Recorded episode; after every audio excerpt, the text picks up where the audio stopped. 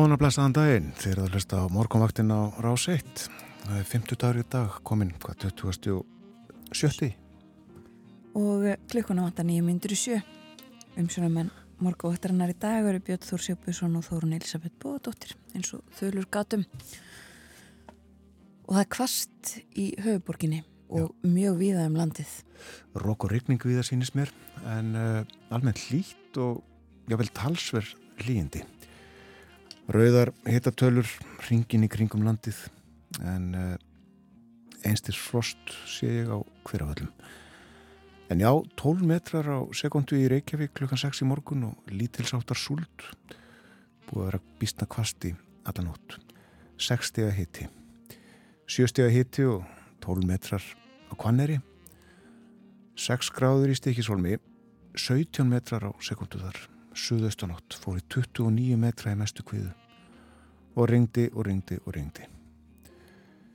6 gráðu híti á Patrísfyrði, 8 gráður í Bólungavík, 9 metrar á báðum þessum stöðum og talsvert kvassara í kviðum. 4 steg að híti á Hólmavík, 4 gráður líka á Blöndósi, 13 metrar þar, 6 steg á Söðanisvita, hægur vindur. 5 steg að híti á Akureyri, 7 metrar, 5 gráður á Húsavík, þrjár á Rauvarhöfn 60 að hiti á Skeltingstöðum 2 gráður á Eilstöðum heiðskýrt þar klukkan 6 tveggjastega hiti á höfni Hortnafjörði 6 gráður á Kvískerjum Suðvestan 8 þar 2 gráður á Kirkjubæðaklaustri 60 á Stórhauðaði Vestmanægum 18 metrar. 4 stega hiti í Árnesi. Og ég sé að gul viðvörun er í gildi eða tekur senn gildi og uh, hún nær frá Nesi til Nes má segja uh, frá Snæfellsnesi og uh, norður, austur með landinu alltaf Langanesi. Já, hvasviðri eða stormur um, þetta tók gildi víðast hvar í nótt, uh, misklokkan þrjú eða fimm en um, tekur gildi á Norðurlandi eistra núna klukkan sjö og eh, stendur mislengi en eh, fram eftir mótnisum staðar, eh, fram eftir degi annar staðar og, og eftir nóttu. Og það er hvasviðri sunnan hvasviðri eða stormur 15 til 23 metrar á sekundu og búast má við mjög skörpum, snörpum vindkviðum eh, á þessum slóðum öllum og Það er svo talsverð rigning sunnan og vestan til á landinu en væta með köplum norðaustanlands og hitin í dag 5 til 11 stík. Svo fer kólunandi í kvöld og uh, þá breytist regningin í, í slittuél eða jél vestlægari átt og kólunandi veður sem sagt. Á morgun svo kvöss suðvestan og vestan átt með jéljum segir í hugleggingum viðfræðings að það sé ansi líklegt að það slái í storm nokkuð víða á landinu. Og eh, þurft að kalla austan til, minkandi úrkoma annar staðar og fyrir að læja svo annað kvöld. Vægt frost inn til landsins en lengst af frostlust við ströndinu. Og eh, bara eins og hefur verið í kortunum undanfarið þá fer þetta svona fram og tilbaka, hlínandi svo aftur á lögadag kólnandi aftur á sunnudag og uh, það er svo verðist mér svona kólnandi veður í kortunum í næstu viku um, minni umhleypingar allavega svona það sem við sjáum en uh, það er greiðfært á öllum helstu leðum á höfuborgarsvæðinu og í kringum höfuborgarsvæðið en hálku blettir á mósfælsheiði, grafningum og kringum þingvelli og viða kvast, segir við að gerðin.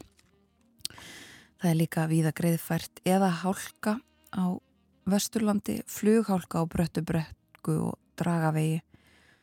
Svo er flughálka á Stengrimsfjörðarheiði, á Holdáni, Drangsnesvegi og Dinjandisheiði en hálka víða á vestfjörðum. Hálka líka á helstulegðum á Norðurlandi, eitthvað um skafrenning. Ekki komnar tilkynningar frá norðaustur eða austurlandi en hálka eða hálku blettir millir víkur og skaftafells á söðausturlandi greiðfært á helstu leiðum en hálkublettir við þau uppsveitum á Söðurlandi. Við segjum þetta gott af uh, tíðundum á aðstæðum í landinu og uh, hlustum á lag, hressum okkur aðeins við með Creedence Clearwater Revival.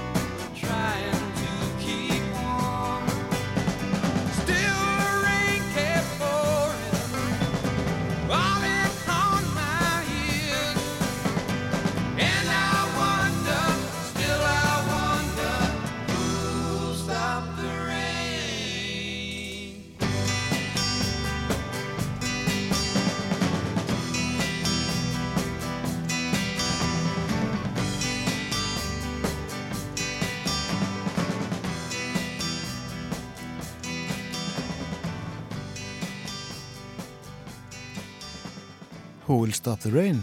Þeir fókert í bræður Tom og John og vinnir þeirra í Creedence Clearwater Revival einn af fjölmörgum smellum þeirra sveitar. Þetta lag kom út 1970 framöndan eru fréttir hjá okkur á morgunvaktinni koma eftir eina og halva mínútu þegar klukkan slær sjön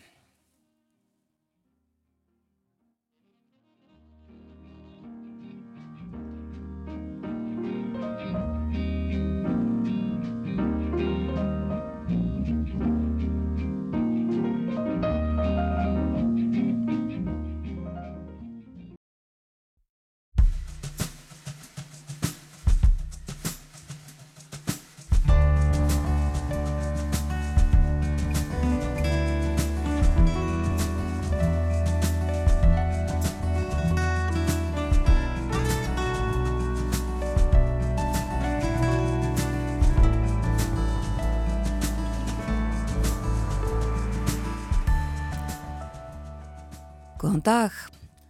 Það er morgumvaktin sem helsar ykkur. Í dag er 5. dagurinn 20. og 7. janúar.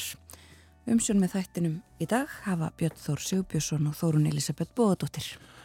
Og ímislegt á dagskrá hjá okkur Bóju Ágússon verður hér eh, horfir út í heim. Við förum meðal annars í Breska Þingið. Það var sótt að Breska fósættisráþuranum í fyrirspurnatíma í gær. Þannig er að þrátturir fögur fyrirhitt þá verðist Súnak ekki hafa tekist að losa ríkistjórnina og íhaldsflokkin við spillingar fnikin sem stundum gís upp og ég segi frá klukkan halv átta og hann fjallar líka svolítið um skriðdrekkana sem að nokkrar þjóðir ætla að senda úkrænumönnum til að verjast árásum rúsanna. Tölvert hefur verið rætt um óvægna umræðu á netinu. Fólk segir ímislegt í gegnum tölvuskjáin sem það myndi líklega ekki segja augliti til auglitis. Svo hefur fórsættisráð þeirra bóðað aðgerðir gegn hatursorðræðu meðal annars að skikka ofinbæra starfsmenn á námskeiðum slík mál. Bríett B. Einarstóttir hefur rannsakað upplifun stjórnmála og fjölmjölafólks af óvæginu umræðu og áreitni á netinu og hún segir okkur frá niðurstöðunum. Hún kemur til okkar uh, að loknum morgunfréttunum klokkan átta. Og síðasta efni þáttar eins í dag, uh, við ætlum þá að fjalla um ungan mann, norskan, hann er í hópi þeirra fremstu í heiminum í sinni grein sem er fótbólti. Erling Brátt Holland heitir hann, hann vinnur við að skora mörg og hefur heldur betur unni fyrir kaupinu sínu meira en þetta og eftir rók og regning víða og á ekki bara frekar að kvessa en hitt. Jú, það er, uh, það er mjög kvast víða um land, má gera ráð fyrir 10 til 23 metrum á sekundu með mótninum sunnan átt það er kvassast í vindstrengjum norðanlands og það eru gular viðvaranir. Það hefur tekið gildi gul viðvörun á breyðafyrði á vestfjörðum, ströndum og norðurlandi vestra og á hálendinu.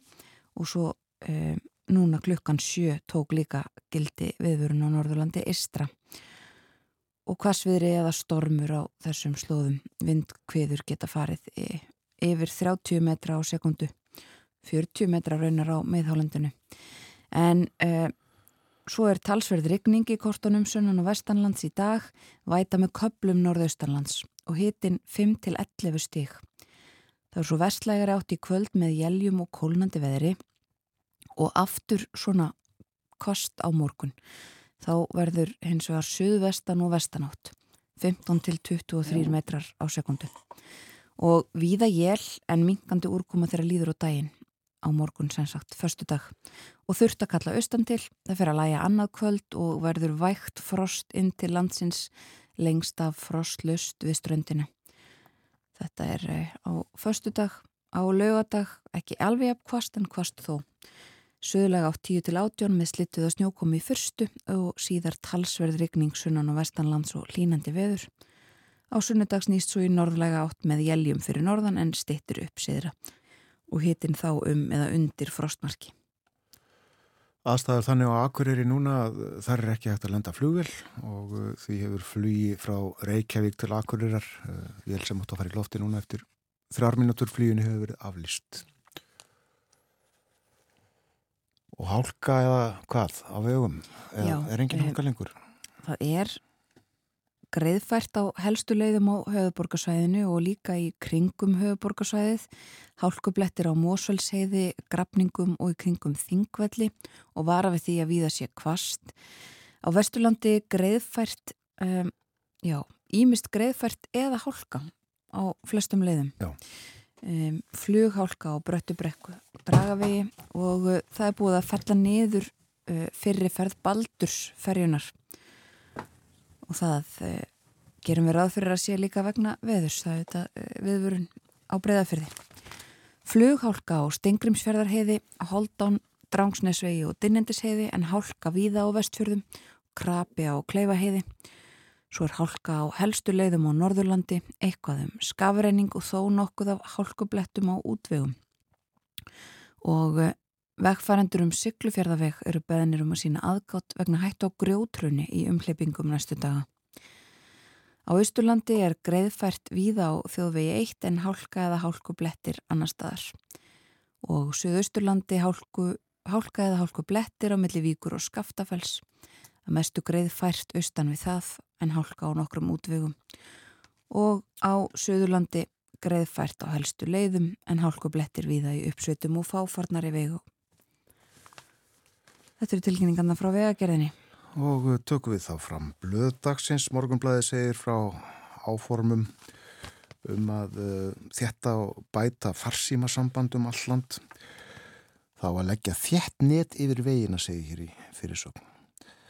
Og ég hef yfir ingangin fyrir dýrum standa umfangsmiklar framkvæmdir á allra næstu árum við að byggja upp háraða farnetstjónustu á stoppvegum landsins og helstu hálendisvegum og í drögum að verka áætlun vinnuhóps fjarskiptafyrirtækja til fjarskiptastofu kemur fram að mögulega verði undar ljúka slíkri uppbyggingu á Vesturlandi og á Norðurlandi fyrir áslokk 2025 og á Östurlandi fyrir áslokk 2026 en þar þarf meðal annars að setja upp nýja senda á 15 til 16 stöðum. Og uh, þetta, þessi áætlun nær líka til hálendisins uh, talað hér um uh, uppsetningu háhraða farinets til dæmis á sprengisandi. Nú uh, bændablaði kemur út í dag og uh, á fórsíðu þess er Björgvin Þór Harðarsson, hann er svínabóndi í Lagsártal og er á þessari mynd með grís, pínlítinn grís í höndunum. En uh, það er að fjallaðum þar breytingar sem að svínabændur þurfa að gera á húsum sínum vegna nýra regluna Svínarækti búgrein sem stendur á tímamótum þar sem ný reglugerð um aðbúnað tekur gildi eftir tvö ár. Með því munu íslenski svínabændur vera í farabrotti á heimsvísu hvað dýra velferð varðar, segir hér.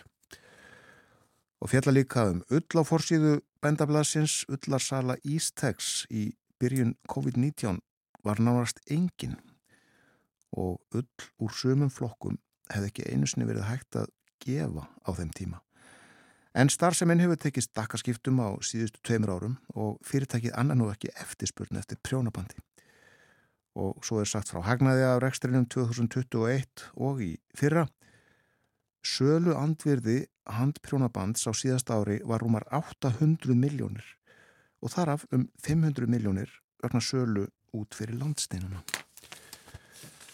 Og við flettum aðeins inn í bændablaðið sagt frá því að Stakkhamar 2 skýst upp á toppin yfir afurðahæstu kúabúðin búin miða við meðalnitt ítaleg umfjöldunum það og uh, sagt frá því líka að enn vestna rekstrar afkoma skuldsettra kúabúa.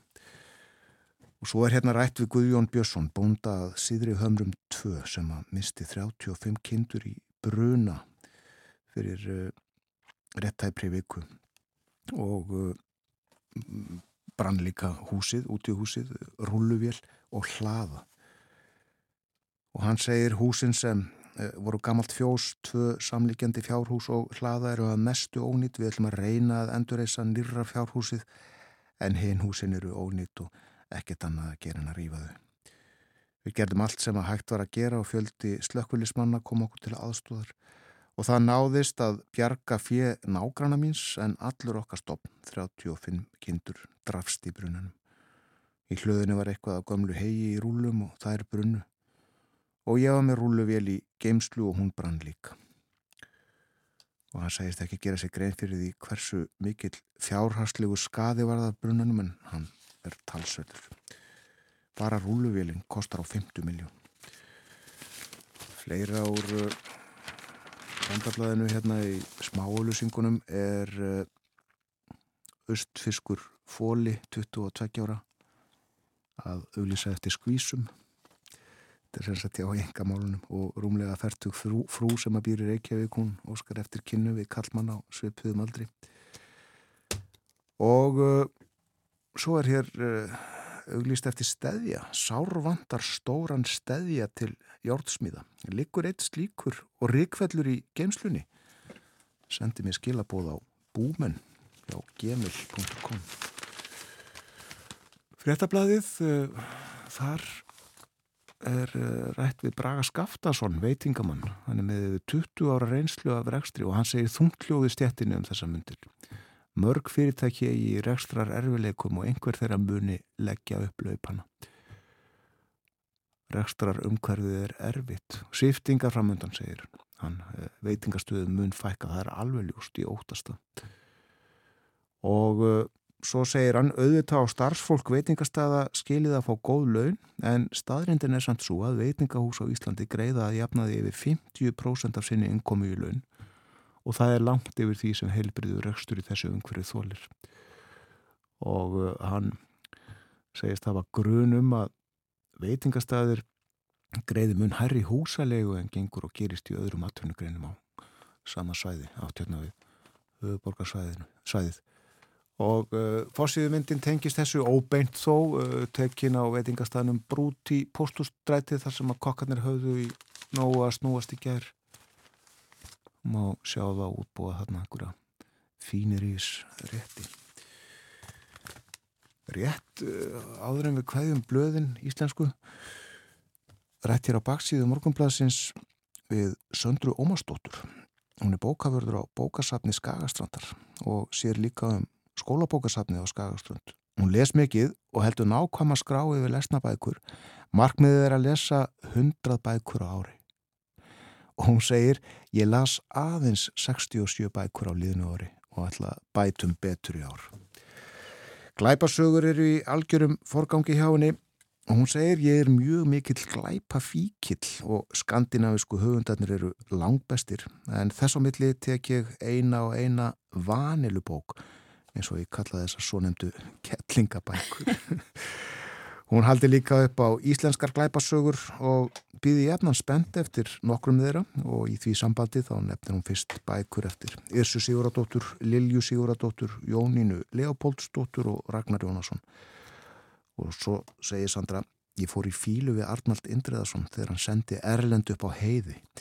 Ég býðist því að Erlendur vakni upp á heiðinu og klífi nýður en mér finnst ósennilegt að það gerist. Ég fíla Stefan Mána alveg í tætlur og mér finnst hann hafa þroskast mikið með Hörð, Hörð Grímsson. Nýjasta bókin er óennu skemmtileg, svolítið ljót, en því ljótari þeimun skemmtilegri. Svo er Eva Björg Ægistóttir komin á listan með þessum flottu höfundum. Sandra bókavörður á Skagastrand. Hundra bækur á ári, það er mikið. Það er tværi viku, eða ekki? Jú, um það vil. Já það er ansið gott mm. Ég var lítið aðeins út í heim. Já. Við uh, segjum frá nokkru núna. Við, og svo minnum við þetta það að eh, heimsklukkin er á dagskrá hér eftir um það byrjum 15 mínútur eða svo og þá förum við uh, nánar í Ímis Erlendmálefni með búa águsunni en uh, ég ætla að nefna það að Volodymyr Selenski Úkrænifórseti hefur fagnað ákaft þessari niðurstöðu sem að náðist í þessi skriðdregamál saði þetta verið einstaklega góðu dagur fyrir Úkrænu, það hefði náðist þetta samkominnlag um að senda þeim öfluri vopn skriðdrega og uh, því beri að fagna. Annað sem að uh, gerðist líka í gæri er það að uh, UNESCO menningarstofnun saminuðu þjóðuna samþykti að setja miðbæni þessast sögulega kjarnar Odessa á heimsminjaskrá. Þessu óskaði Selenski eftir í oktober síðaslinum til þess að verja, uh, verja borgina fyrir árásum rúsa og uh, það var ákveðið sem sagt á fundi í Paris í gæra að bæta uh, bætinni við á, á heimsminjanskrána. Uh, þarna eru sögulegar uh, sögulega byggingar og minjar og þessu hefur verið fagnað. UNESCO segir að það sé skilda alls mannkins að verja verja þetta. Þetta mun nú samt ekki útiloka það að rúsar sprengi þarna. Nei, það gerir það ekki. Við eh, höfum þetta séð dæmi þess að uh, svona staðir séu eðilaðir enga síður. Uh, rúsar segja hins vegar viðbröðum sínum við þessu að uh, eina, eina ógnin sem á þessa búi við það séu stjórnvöld í Úkrænu. En svo er það líka uh, frettir frá Úkrænu núna í morgunsárið að það eru hafa, uh, hafa heyrst loftvarnar flautur um allt land uh, verið að gera sér búið að skjóta niður einhverja, einhverja dróna yfir borgum í Úkrænu nú í morgunsárið. En við förum nánar yfir þessi mál hér og eftir sem fyrir segir. Það er fjalla líka um þessa stöðumála í fjölmjölum á Norðurlöndunum talað um þessa ákverðin uh, þjóðverja uh, Sjólds kanslara. Uh, hann hafi svona aftur aftur orðið að leiðtoga með því að taka þessa ákverðin uh, segir á fórsíðun á politíkan í Danmörku. Í aftenpostin í Noregi er talað við Sergei Ivonov það eru svo sett bladamenn frá aftenpostin á í Úkrænu að segja fréttir. Og hann hefur komið þúsund óbreyttum borg, borgurum til bjargar komið þeim frá uh, stríðssvæðum og starfar á hættulegustu stöðunum á, vývöldinum, segir í forsýðunni, á forsýðun og aftanpóstun. Nú, um, þessu tengt, það er fjallaðum uh, stöðu ingöngu uh, svíja og finna í Allandsafsbandalæðið í sænskum fjölmjölum og uh, sagt á forsýðunni á dagins nýhettir að uh, Kóran Brennan þessi dansk-sænski stjórnmálamæður sem að e, bremdi kóranin fyrir utan tyrkneska sendiráði í Stokkólmi um liðina helgi e, að þessi atbyrður hafi skapað mikla spennu innan ríkistjórnarinnar og moderatorina hafi tekist illa á við þetta mál frá upphafi. En e, svo aðeins til Breitlands þar er fjallaðum ímislegt meðal annars uh, þessi sömu mál uh, líka talaðum uh, um neykslismál innan bresku ríkistjórnarinnar sem að Bói Ágússon alltaf að fara nánar í á eftir. Og hann segir okkur frá þessu þetta var mikið til umræðu í breska þinginu í gær. En kennir sannsagt ímessa grasa í, erlendum fjölmjölum í morgunsárið og við förum nánar í nokkur af þessum stóru málum hér á eftir. Kom heim, eh, förum austur á stöðafjörð, Gíja okkar Holmgeistóttir var þar á ferðinu á dögunum og leið meðal annarsinn í sköpunamiðstöðuna þar og hitti Örn Alexander Ámundarsson kennara, hann kenni við Listaháskóla Íslands og Stein Loga nefnda. Ég stötti sköpunamiðstöðinni á stöðvarfyrði núna, ég, þetta er alveg stórt gímald. Uh, margar, margar, margir rángalar hérna út um allt og ég er að leita að honum Erni Alexander Ámundarsinni hann er nefnilega kennari uh, og er að kenna hérna nokkur um nefnundum ég ætla aðeins að forvetnast um hvað þau eru að gera. Já þarna. Hæ Hérna er sko aðalsýningar í mig Já, já, já. Þau vilja flest að vera hér. Já, wow, hvað er flott í glukar. Já, þykkarlega fattilegt sko. Og þetta er svona, er að taka þessi mynd held ég. Wow.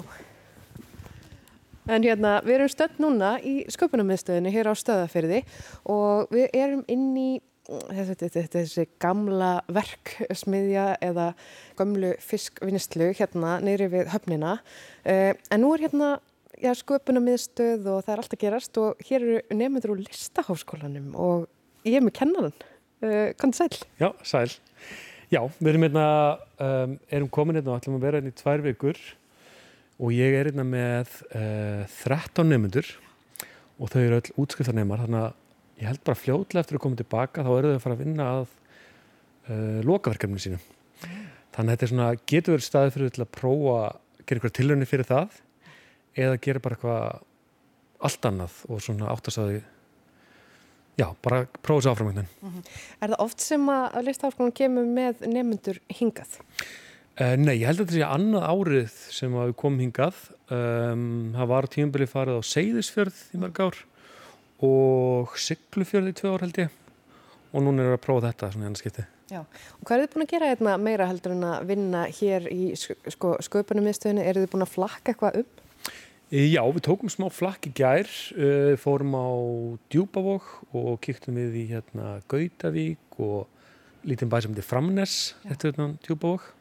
Hittum allsken spennandi fólk á þessum stöðum og svo erum við búin að vera að kera nú hérna út á Reyðafjörð og eitthvað slúðis, í svona verslunarferðir og slúðis. En þetta er svona aðalega hugsað að því séu bara í mjög svona intensiv vinnu, sko. Já, já. já. Eh, hvernig er að koma inn í svona rými? Ég menna, þetta er risastór eh, bygging, það eru margir ángar, hér eru alls konar verkstæði sem þau eru búin að, að koma upp hérna í sköpunarmiðstöðinni. Hvernig er að vinna hérna? Sko ég er náttúrulega því ég bara er ekki mikið að vinna sjálfur, ég bara fylgast með en ég held að þetta sé rosalega hérna, góðu stæði að vinna á því það er, það er hérna, fínt málumverkstæði og prentverkstæði, trérverkstæði, keramikverkstæði og svo er held ég bara svona heimsklassa hljóðstúdjó á heimsmælikvara hefur maður heyrt. já, ég, ég skilst það sko. Hérna, en því eh, nefndinir eru ekki þar að vinna eða, eða fá þið aðgang á öllum þessum rýmum með já, þau eru mjög hérna bara hérna, mjög opinn unna og vinni eh, sem er að sjáum þetta eru búin að vera mjög bara svona uh, opinn fyrir bara allskins þannig að þau eru með leikir bara sjálfa stúdíun og geta verið á nóttinu þess vegna. Og við erum með nokkra tónlistamenn í hópnum sem ég veit eru búin að vera að reyna semja eitthvað að taka upp og svona og bara vonandi náði að hérna kemur eitthvað gott út af því Herri, ég hérna, fekk einn nefnda, þú ert útskrifta nefnda á myndlistabraut, listaháskólanum og hvernig finnst þið svo að vera hérna í skupunum miðstöðinni? Já, bara frábært, mér finnst það góð aðstæða. Fallið fjörður líka. Komið það þér á óvart eða vissir þú svona hvað væri hérna? Já, ég held að það komið svolítið óvart. Ég vissi ekki að það væri svona, svona stort og mikið og já, ég myndi segja það. Og hvernig verkast að vinna hérna? Uh, ég er að vinna að gjörningi, svo einmitt núna er ég rosa mikið að vinna allt í kringum gjörningin, sem það var búið til grímu, hérna inn er ég að búið til vangi úr svona einhvern prikum og eitthvað, og síðan er ég líka með málverk hérna inni og, og síðan nýtast tónlistastúdíu líka, það er margt í gangi bara. Uh, gangi ykkur vel með síningun á fyrstdægin, uh, svona rétt í loðgeng, hvað heitir þau? Já, stillaði. Takk fyrir þetta. Sko, verkin sem að nefndunir eru að vinna er náttúrun svolítið sem að endur speglast út af því að hér erum við í, stöða, við erum í stöðafyrði og fjallasínin eru þetta svakaleg og maður horfir hérna út fjörðin og hér í síningarýminu þá eru þessir æðislegu glukkar hérna bara beint út. Er náttúrun svona uh, meira áberandi í verkum sem verða til hér heldur en kannski fyrir sunnan? Já, alveg tímarlust. Ég hef búin að sjá Ég var alltaf að skoða bara núna rétt á þann einhver tvö vídeoverk sem eru tekin upp hérna og þá um, eru hérna fjallin í bakgrunni bara mjög falleg og hérna svo eru einhverju málara líka sem að ég veit er búin að taka innblástur og eitt hérna útsemsverk líka þannig jú, það er mjög mikil innblástur á náttúrunni Já. Og þeir eru með síningu, hvernig verður hún og, og, og, og er hún opinn öllum? Já, hún er bara opinn öllum og hvetjum allir að mæta og náttúrulega bara ógipis aðgangur og allt það uh, hún er á förstu daginn sem að við minnum þessi 2007. janúar millir klukkan 2 og 6 Já og allir velkomnir hérna í sköpunum og stöðuvar fyrir því. Gangi ykkur uh, vel og þetta er spennandi. Já, takk alveg fyrir það. Takk fyrir komuna. Gíja Holmgeistóttir á stöðvafyrði fyrir vikunni á stöttanum og svo stundum er sagt. Það líður að fréttaði við liti hjá okkur fáum það eftir þrjár mínútur rétt rúmar og eftir það sest hjá okkur Bói Ágússon við förum út í heim það sest við heimsklukkan eins og við segjum stundum og bresk politík og skriðdregar á efniskránu hjá okkur þennan morgunin.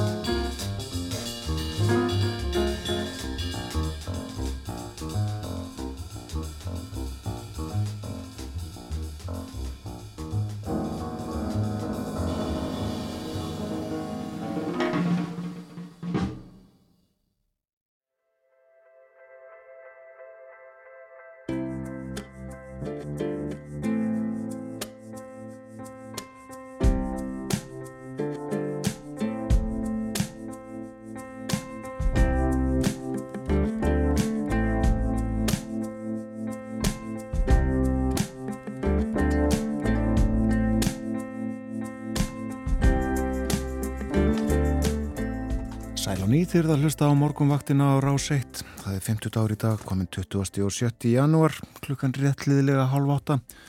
Bói Ágússon að koma sér fyrir við borðið hjá okkur við spjöllumum og fjöllum um erlend málefni eftir stuttastund. En fyrst aðeins að aðstæðum í landinu, það verður uh, vond veður, má segja, bál kvast, breyðafyrði, vestfjörðum og uh, á Norðurlandinu öllu og gular viðvaranir í gildi tóku gildi sumstaðar í nótt, annar staðar núna í morgunsárið og gilda í allan dag má segja.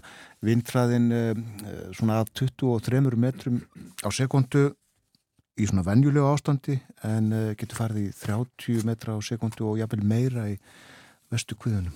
Já. Og hálka víða á vegum og sumstaðar þæfingur við fórum yfir þetta á hann. Já, ég held að sé bara að ráðlegt að líta á kortin hjá vegagerðinni fyrir fólk sem ætlar að vera eitthvað mikið á ferðinni sjá hvernig ástandið er á hverjum stað fyrir sig. Og það er líka ekkit lát á þessu það verður aftur svona kvast þess að lægir í kvöld en það verður aftur svona kvast á morgun. Þá verður bara kaldara um, og svona heldur þetta áfram næstu daga. En já, við myndumst á það hér í fyrir morgun að við myndum ræða um uh, bæði uh, mál sem að kominir upp í Breitlandi og svo líka uh, stöðumál í Úkrænu í heimsklukanum og uh, Bói Ágússon er komin hinga til okkar sestur við heimsklukan, góðan dag. Góðan dag. Við ætlum að byrja á Úkrænu Já. og uh, þessu skreiðdregamáli sem að uh, verið hefur mikið í fréttum og uh, sögðan frá því í morguna að Selenski Úkrænu fórseti hann fagnar þessu, þessari lendingu það á að senda skreiðdrega til Úkrænu en uh, svo heyrðum við það núna líka rétt á hana að hann vil núna, uh, nú er hann uh, farin að einbæta sér að öðru þannig að hann vil fá aðra, önnu, annars konar vopn Já. og varnir frá Vesturlöndum Já og það er, það er svo sem í sjálfur sér ekki nýtt að þeir hafa farið fram á það að fá herflugilar, orustu þóttur frá Vesturlöndum og uh, þeir hafa ekki fengið að hinga til sko, ef, ef, við, ef við horfum 10-11 mánuði tilbaka til upphafs innrásar rúsa þá uh, hefur orðið algjör breyting á hugsunarhætti hjá vestrænum ríkjum hvað var það þau vopp sem að þau eru tilbúin til þess að láta Ukrænum en fá. Í upphafið þá voru það svona vopp sem að voru skilgrind og eru algjör varnarvopp. Það voru skriðdega varnar eldflugar uh, sem að Ukrænumenn notuðu með uh, miklum áranguri. Sko það hafði engin trú á því að Úkraina gæti staðist og rúsneska hernum snúning. Það var tvent í því, menn vanmótu varnar vilja Úkrainu og ofmátu getu rúsneska hersins. Þannig Úkrænumennum tókst að verjast aðal árásinni á Kænugarð, Kíð, höfuborgina og uh, þá breytist viðþorfið og þeir fá svona, já þeir fá umtalsvægt magnavopn, þetta er aðalega varnavopn. Svo hefur þetta smá saman verið að breytast og þrátt fyrir hótanir rúsa sem alltaf hafa hótað eldi og brennisteini gangi í Vesturlund lengra í, í vopnarsendingum að þá er svo komið núna að Vesturlundir voruð sammálum það að senda þeim nútíma skriðdrega sem að eru í sjálfu sér ekki skilgrind varnarvopnu vegna þess að skriðdrega eru náttúrulega líka algjörlega nöðsynleir ef að Ukrænumenn alltaf sækja fram og rjúfa varnarlínur sem að rússar hafa myndað eftir að já, svona, hernaðurinn hefur verið lít hreyfanlegur af undanförnum, undanförnum á 2-3 mánuði og rússar eftir þið fóru hörfuðu með liðsitt veistu fyrir ána Dnipro að þá hafa þeir byggt upp varnarlínur og uh, til þess að rjúfa þessa varnarlínur þá þyrstu úkrænumenn skriðderga og önnur brínvarin uh, vopn, brínvarðar, bifreiðar uh, og þeir fá það. Mm. þeir fá umtalsvert af slíkum herstækjum frá, frá bandaríkjum Já, Já.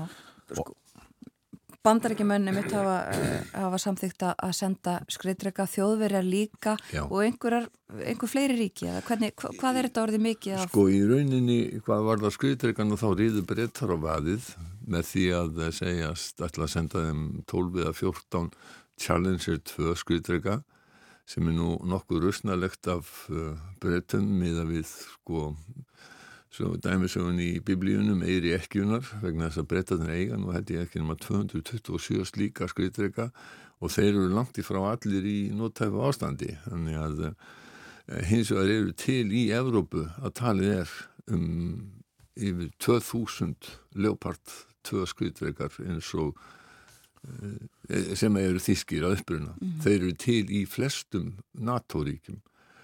Og uh, þannig að það að þjóðverjar hafa samþygt núna að útflutning á þessum skriðdregum að því þeir gáttu komið vekk fyrir útflutning skriðdrega frá Finnlandi, frá Pólandi, frá Spáni, Hollandi eh, sem voru ríkin sem höfðu líst yfir þau væri til í að eh, senda þessar skriðdrega.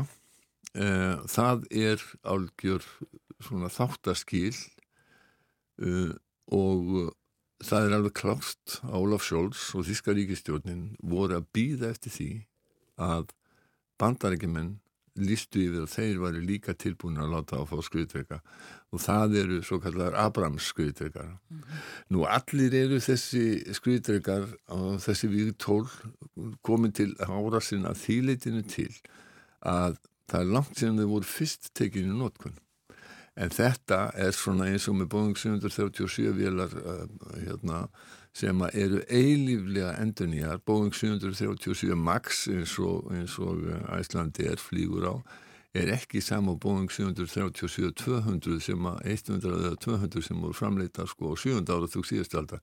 Þetta er, þessar vélar eiga í rauninni lítið annað sammeilegt en, en nafnið. Já. Og þannig, þannig er það sama með þessar skriðdreika. Þetta eru hátæknivopn, þessi nútíma skriðdreika og uh, það þarf mikla þjálfun til þess að geta að nota þessar skriðdreika. Það er talað um sko sex mánuða, mánuða þjálfun til þess að nota uh, þessi hátækniskriðdreika. Þeir er alltaf reyna að keira þetta nýður í, í þrjá mánuði eða ég vil skemmir í tíma fyrir reynda skriðdreika liða í ukrainiska hernum En það er alveg ljóst að þessi skriðdreikar, þeir eru ekki að fara að taka þátt í bardugum í Úkræni næstu viku. Þetta er, það er tvær, þrjár, tveir, þrjir mánuðir myndi ég ætla. Þetta er ekki bara aftur og baka áfram áttur hæri og vinstri og snúa bissin og skjóta? Þetta er ekki alveg það. Um, þetta er, eins og ég segi, þetta eru hátteknum mm. og mjög háþróaður tölvu og teknibúnaður sem að stýri þessu um, og alls konar, sko, þeir vonast til þess að geta hraða þjálfurinni með því að fá ukrainsku herminna í, sko, það eru til alveg svo með flugvelar, þá eru til, sko, skriðdreika hermar. Það sem þeir geta uh, þjálfa og það sem að herminn eru þjálfaðar í, í nótkunn þessara vopna. Uh, Já, þetta er og uh, þannig að nú verða það er að mista okkur til þrjárgerðir nútíma skriðdrygg og þessi vígtól taka þessum rúsnesku fram alveg sko, við erum sko, þú veist við erum að við erum að tala um trappant og message sko. Allt í einu bói eru orðin bara þokkalega skóluð í, í skriðdryggafræðum, þekkjum hérna tegundir Abrams og Leopard 2 og þú nefndir svo Challenger sem eru breskir hvað er líklegt að rúsarnir að það vist á næstu dögum að vikum? Viðbröður rússana hafa verið að þeir hafa líst yfir að þetta sé óþólandi ögrun og um, þá nú vinsæl uh, álitskjafi í sjónvarpi í Rúslandi sem að lísti yfir í fyrra dag að uh, þegar þetta var svona um það að verða ljóst að uh, stjórnin í Berlín væri nú bara skipuð narsistum og í gær saði hann, þetta er við eftir BBC, að það fjórða ríkið hefði líst yfir stríði á hendur rúsum og Berlín væri lögmætt skotmark. Það er mikið af svona afgamunum sem eru með slíkar yfirlýsingar. Í praxis hvað rúsar geta gert, það er afskaplega lítið. Þeir eru raunverulega með allan sinn hér undir eins og er. Þess vegna uh, voru 300.000 manns kvöld í herin núna fyrir jól. Það, þetta lið þarf að þjálfa. Sjálfun líkur kannski núna einhver tíman á útmánuðum og þá búast menn við sókn. Og úkrænmenn vilja vera búin að fá sína skriðdreika áður en að sókn uh, rúsa hefst. Mm. og svo vilja þeir líka sjálfur fara í sókn til þess að endur heimta það land sem að rúsar hafa lagt undir sig. Ja. og þá er spurning sko hversu langt vilja Ukrænumenn ganga, hvenar, hvað myndir þeir skilgreina sem sígur í stríðinu og, og stoppa vegna þess að, að Selenski fósiti hann hefur sagt að uh, stríðismarkmið Úkrænumanna séu að frelsa og endurheimta allt Úkrænist land og þar með talið krímskaga. Akkurat. Það er hins vegar spurning hvort að það geti verið raunhæft og það er spurning hvort að það árás á krímskaga myndi verða til þess að rússar eða auka hættun á því segjum við að rússar gripu til uh, taktíska kjarnorkuvapna eins, eins og kallaði sko. Já. Þetta er staðan, uh, Úkrænumenn að fá skriðdrega, uh, byggða núna um þotur líka uh, fjölgað í rúsneska hernum. Er engin að reyna að stilla til friðar?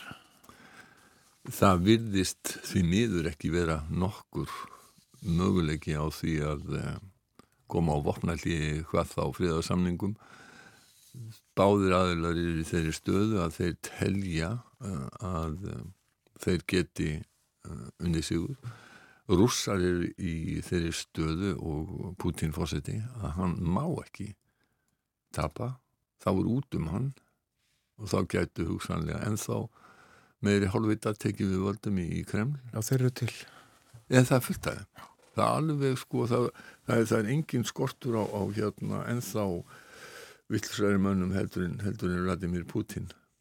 Um, þannig að og það er það sem að menn oftast helst að það, að ef að Putin rekst frá völdum að þá kemur ennþá róttakari eh, menn sem að væru sem hefði ekki þær hömlu sem að hann þó virðist hafa ennþá. En sko hann hefur misveiknað allt frá upphafi og uh, virðist vera sem að já, rússar og stjórnvöld í, í, í Moskvu, í Kreml þau lifi í einhverjum heimi sem er ekki alveg tengdur raunveruleikanum.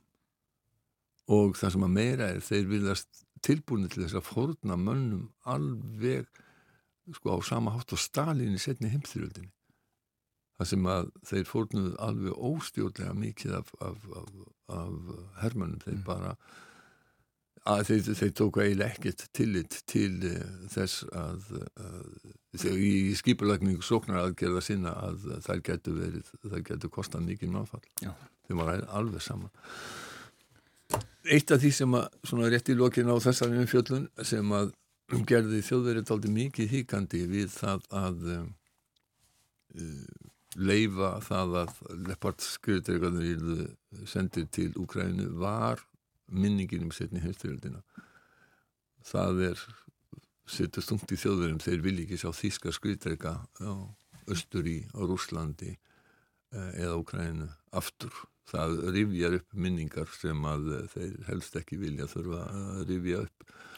Og þeir er náttúrulega margir trekka tekið fram að sko það verða vopnin, það verða aldrei aðri, það verða aldrei hermen sem að, sem að, sem að fari. Mm -hmm. uh, Já. Já.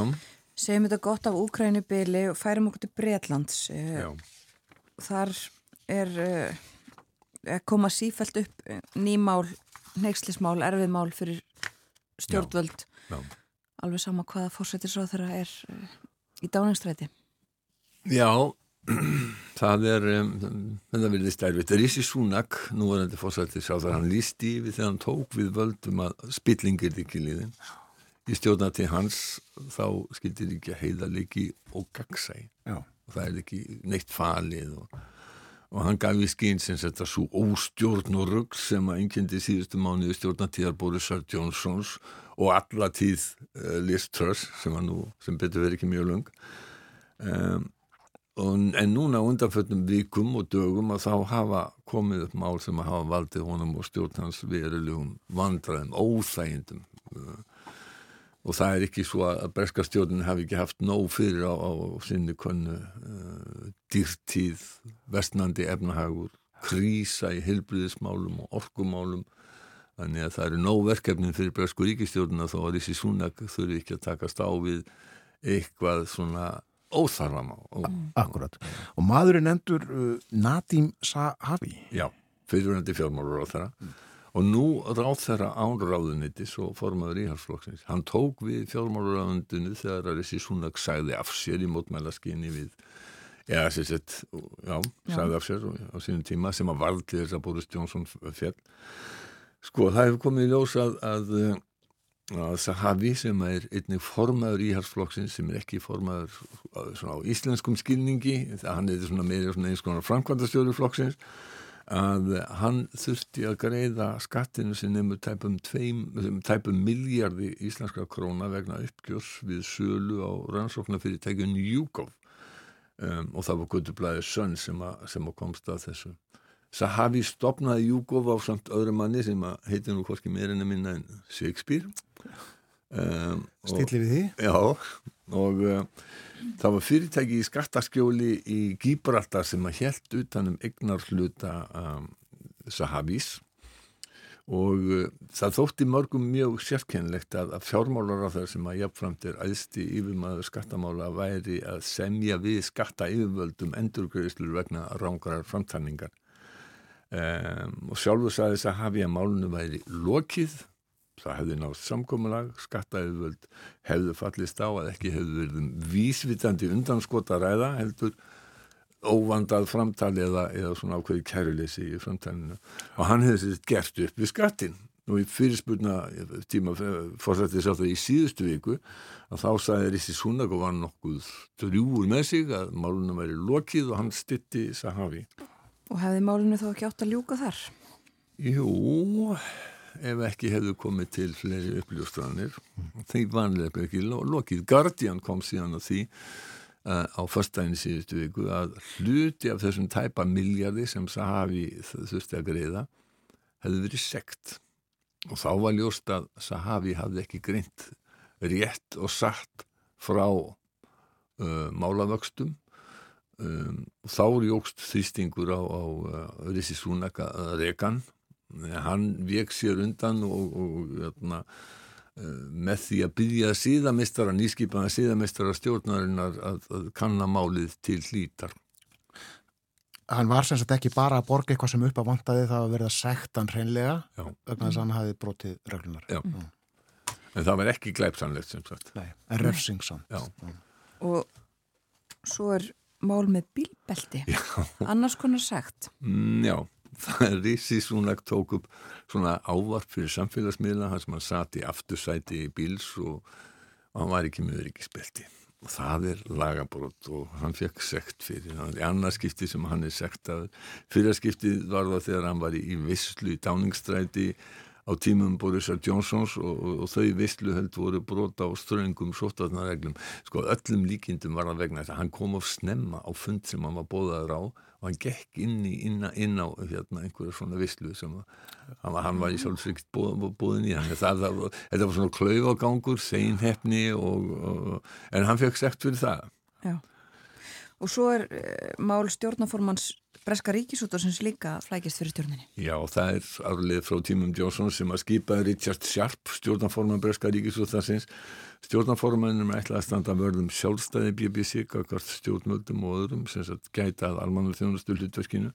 Sharp starfaði í dáningstæti 10 á, tímum Jónsons sem fjármálaráðgefi og svo hafði hann millígöngum að Boris Johnson fengi 800.000 pundar lán, það er dæpur hálfur annar miljardu íslenskar króna og þetta var skömmu áður en að sjarpa skipaðu stjórnarformað BBC mm.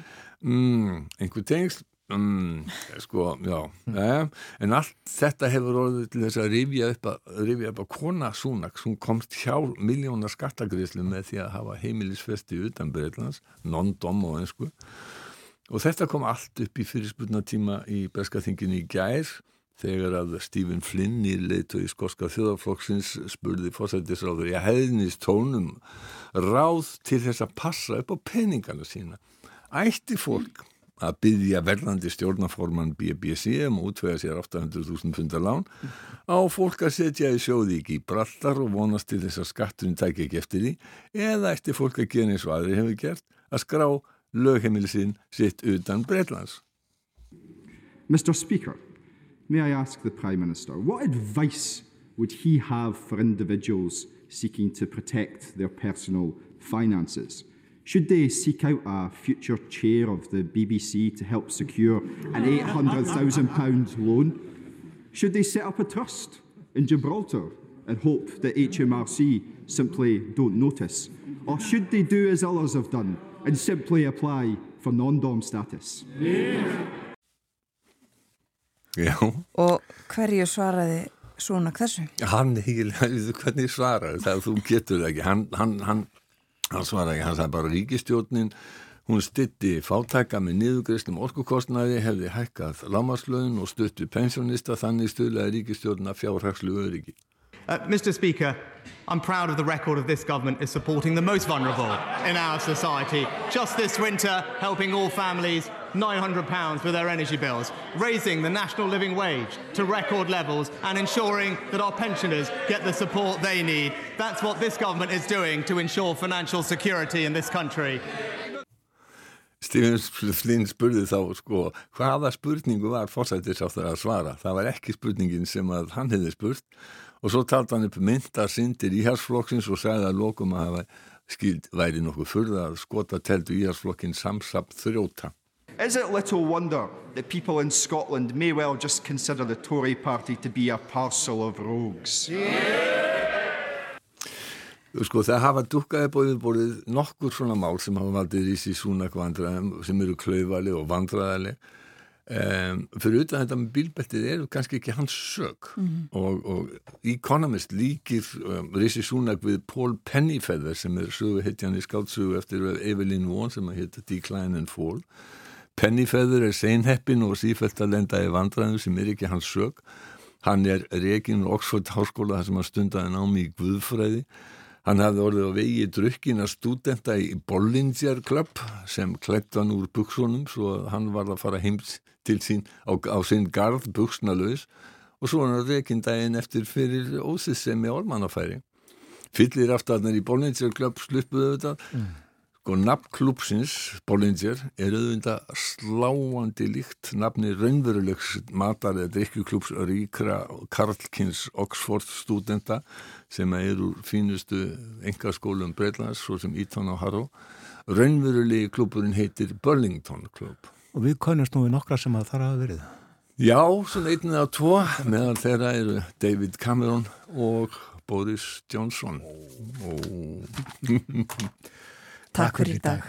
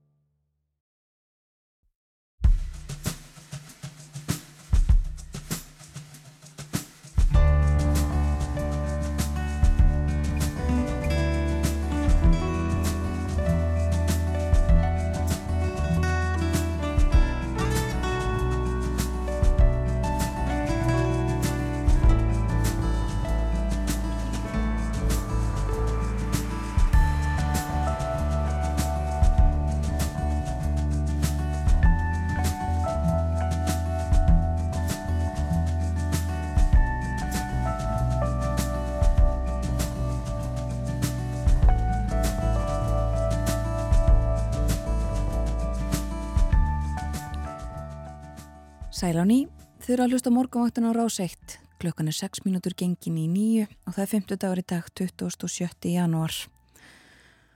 Og uh, lítum örsnögt til veðurs, það er uh, rók og regning. Það er eiginlega uh, auðvelda leðin til þess að lýsa veðrinu víðast hverjum landið. Það er þó svona, og í kortónum væta með köplum norðaustanlands en regning víða annar staðar og mjög kvast.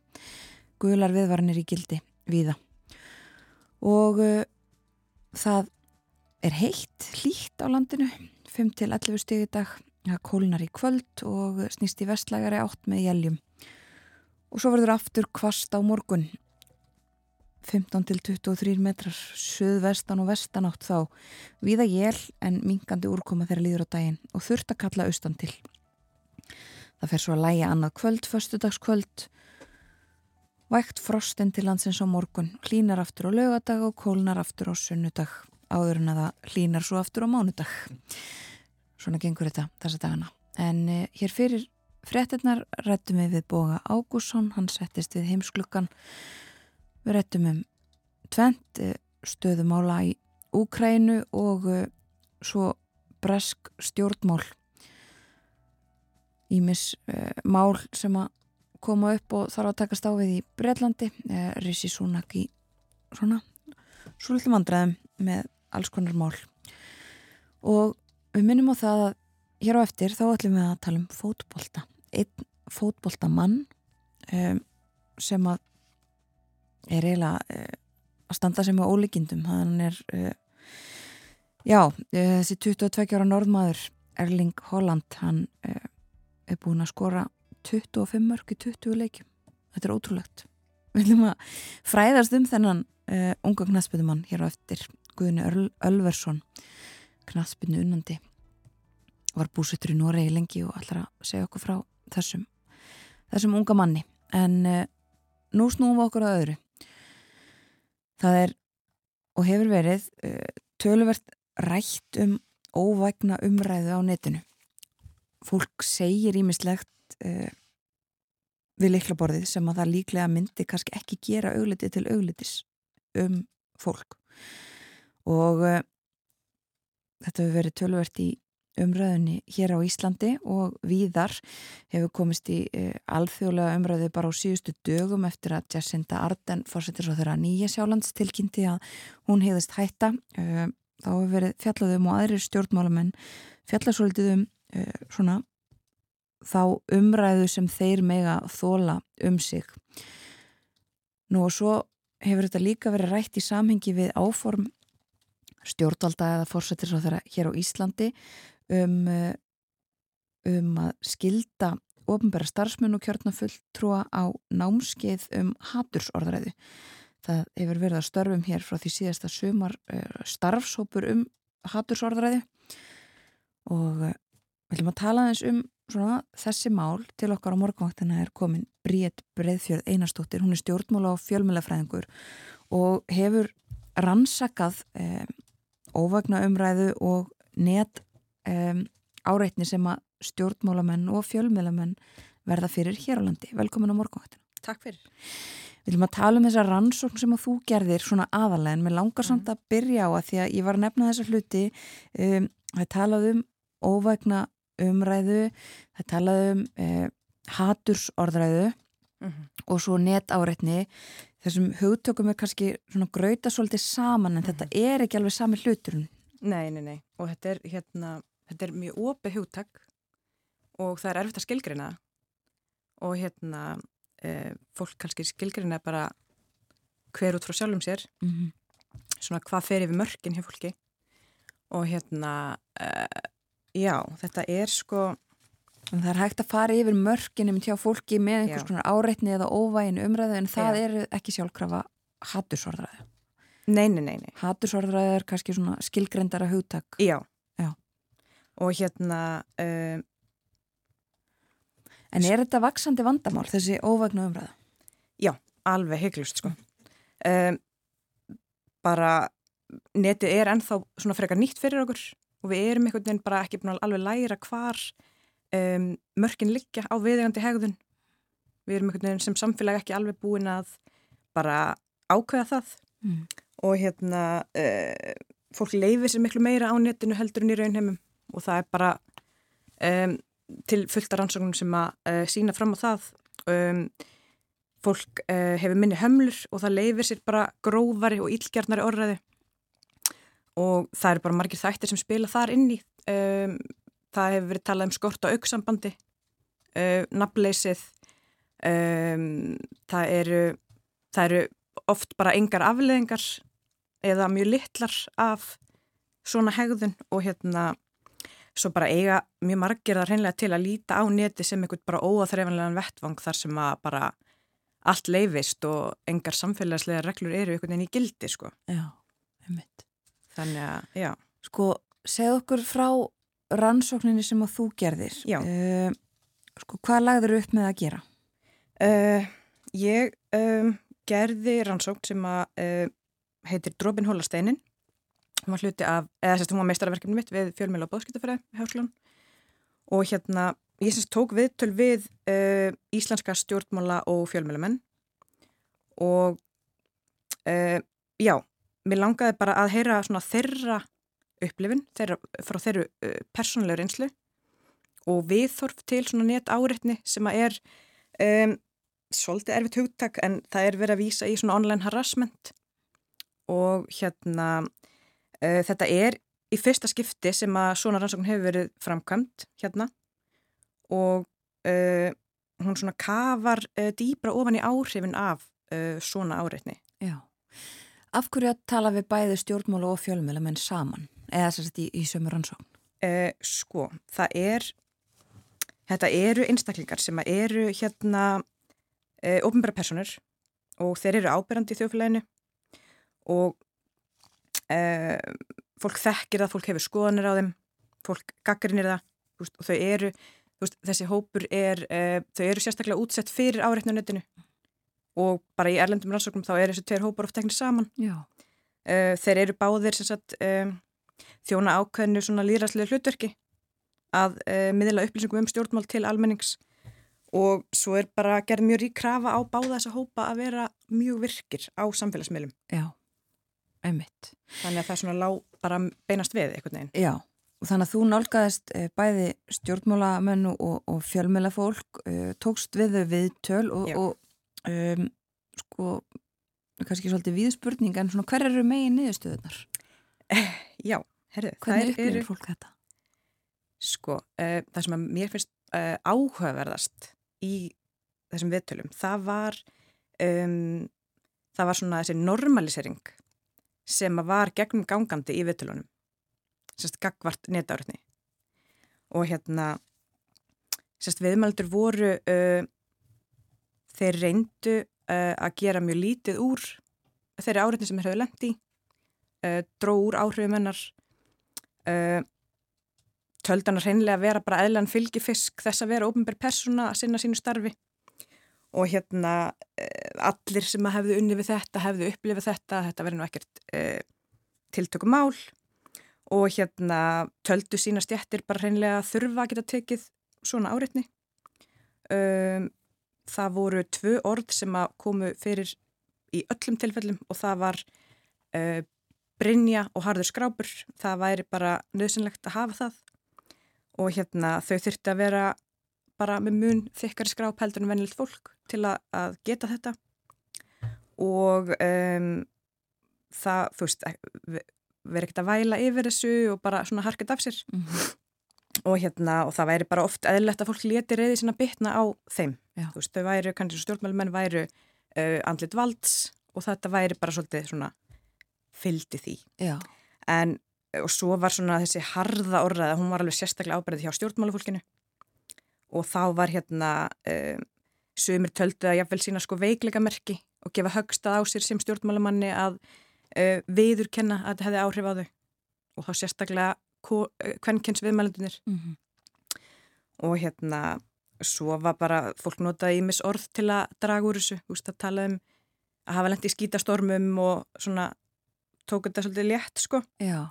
Og en svona ég leitt mest lýsandi dæmið um þessu normaliseringu það var sko uh, það var að uh, fólk hérna það var eitt sem talaði um að hann tilkynnti ekki sko ofbeldis hótanir, njú hann tilkynnti ofbeldis hótanir Já. en ekki svona almenn áreitni og mér fannst það svolítið kjarnar svona um, hvað okkur finnst það er svona öfgafylgð dæmin sem við draugum línuna við sko, eða þau.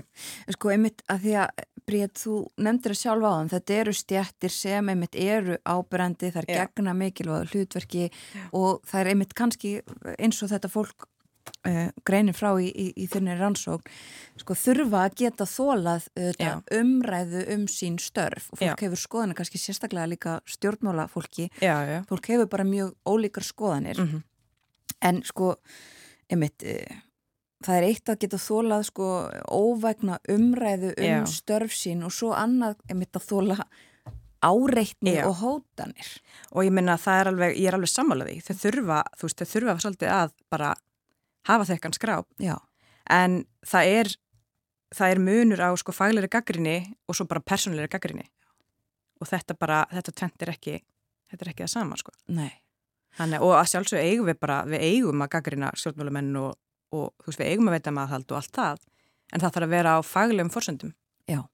og það er ekki, þá eru við ekki að fara að hóta börnunum þeirra uh, þú veist, það er ekki Nei. En hafið fólk bara almennt lendi í einhverju slíku, einhverjum Já. hótunum um ofbeldi? um, sérst, allar konurnar töldur sér hafa upplifað uh, netavörni í einhverju mynd og það gætt verið bara allt frá uh, skítastormum, skiljur ykkur, ykkur svona óviðandi skilabóðum og svo upp í bara mjög alvarlegar uh, hótanir um líkanlegt ofbeldi og uh, segja, þú veist, vita hvað það er heima og allt svo leiðis um, það var einn kallana sem taldi sér að upplifa svo leiðis og hérna þannig að þetta var, það var mjög mikill kynjamunur í niðurstöðunum, alveg bara mjög ábyrjandi og það rýmar bara við aðrar erlendar rannsóknir sko.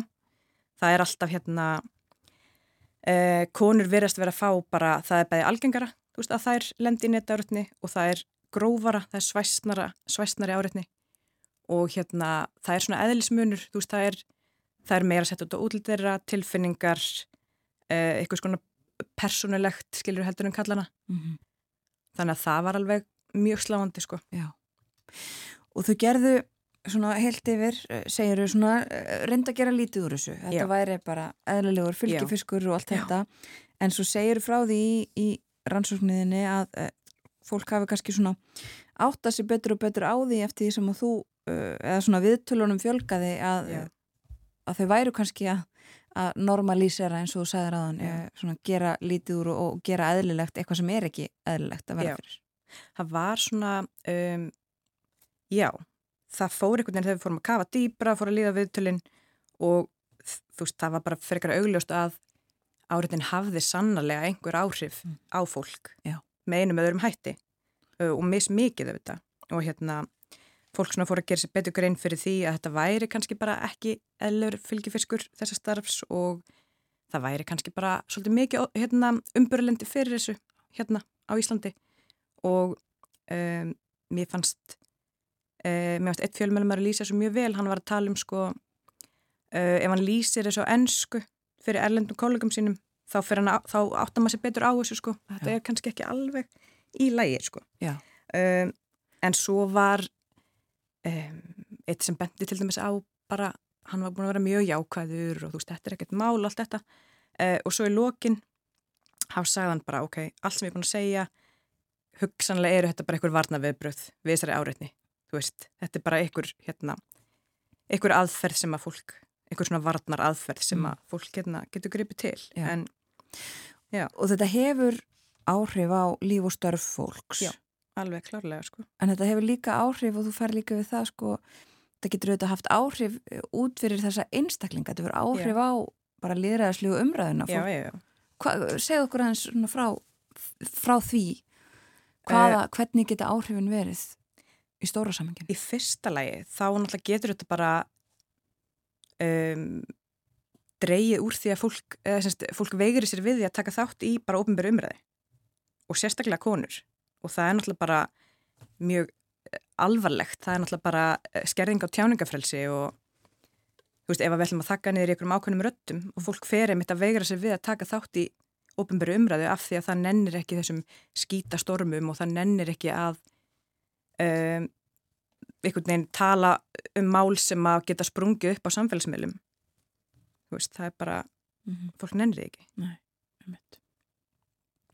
Og sko hvað er til ráða? Er, einhver, er, eitthvað vitað, hefur, hefur einhverju ríki eða einhver staðar tekist að takast á við þetta? Eða er Nei. það bara þetta er bara uh, þetta er vandamál allstaðar Mm. og þetta er bara einhvern veginn svona vaksandi vandamál og þetta er um, eins og segja, þetta er bara svo þetta er ennþá bara, netið er ennþá bara frekar nýr heimur fyrir okkur og hérna, þú veist, það er ekkert við erum ekki búin að ákvæða veginn og hvað er í lægi og hvað er ekki í lægi og þannig að nei, en það er verið að rannsaka þetta alveg uh, í auknum mæli Já. og hérna það þarf bara að halda því áfram og um, auka fræðslu bara og umræðu um þetta mm. og kannski líka bara að þá þessir um, fólk í þessum ofnbyrju stöðum finnist ekki svona mikið veikleikamerki að einhvern veginn tala um þetta og viðkjörna þetta hafi áhrif á sig og þú veist, Mm. Heldur þú skipti máli þá þegar fólk eins og Jacinda Arden sem ég mentist á í byrjun mm -hmm. fráfærandi fórsettur á þeirra Nýjasjálands eh, talar svona opinskátt um að eiga bara ekki meir eftir á tankinum og, og svona. Já. Skiptir það máli? Já, ég held það mm. og það er náttúrulega bara, þú veist, samfélagi er bara breytast og það eru, það eru bara mjög auknar kröfur á þetta fólk, eh, fjölmjölufólk og stjórnmjölufólk að vera bara sítengt og vera á samfélagsmeilum bara nánast allan sólarhingin og það vilja allir hafa aukið aðgengi að þeim og þú veist þetta leiðir bara til þess að fólk brennur fyrir út sko, mm. það er bara alveg klart mál. Um þetta.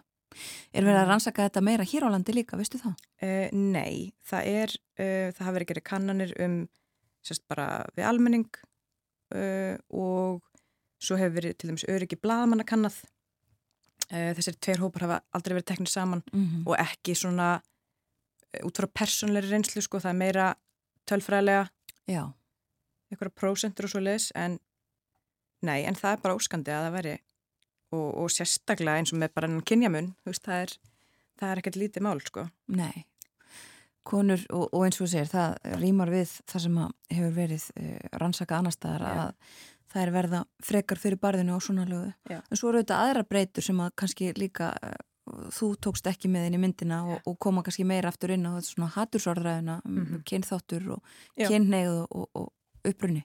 Það er alveg fullt af mismunabreitum sem að væri mjög áhugavert að taka inn í þetta. Mm -hmm. Þannig að það er alveg nóg að taka. Það er hægt að gera bara miljón rannsóknir viðbútt sko og hérna og bara er mjög mikil þörf á sko. Já. En við þurfum að taka þetta alvarlegar en við gerum. Algjörlega. Ég held að sé alltaf mikið umbörlendi. Gagvar þessu. Látum það vera að loka orðin. Takk fyrir að koma til okkar á morgunvaktina. Bríð, breið fyrir einastóttir. Takk fyrir að bjóða mér.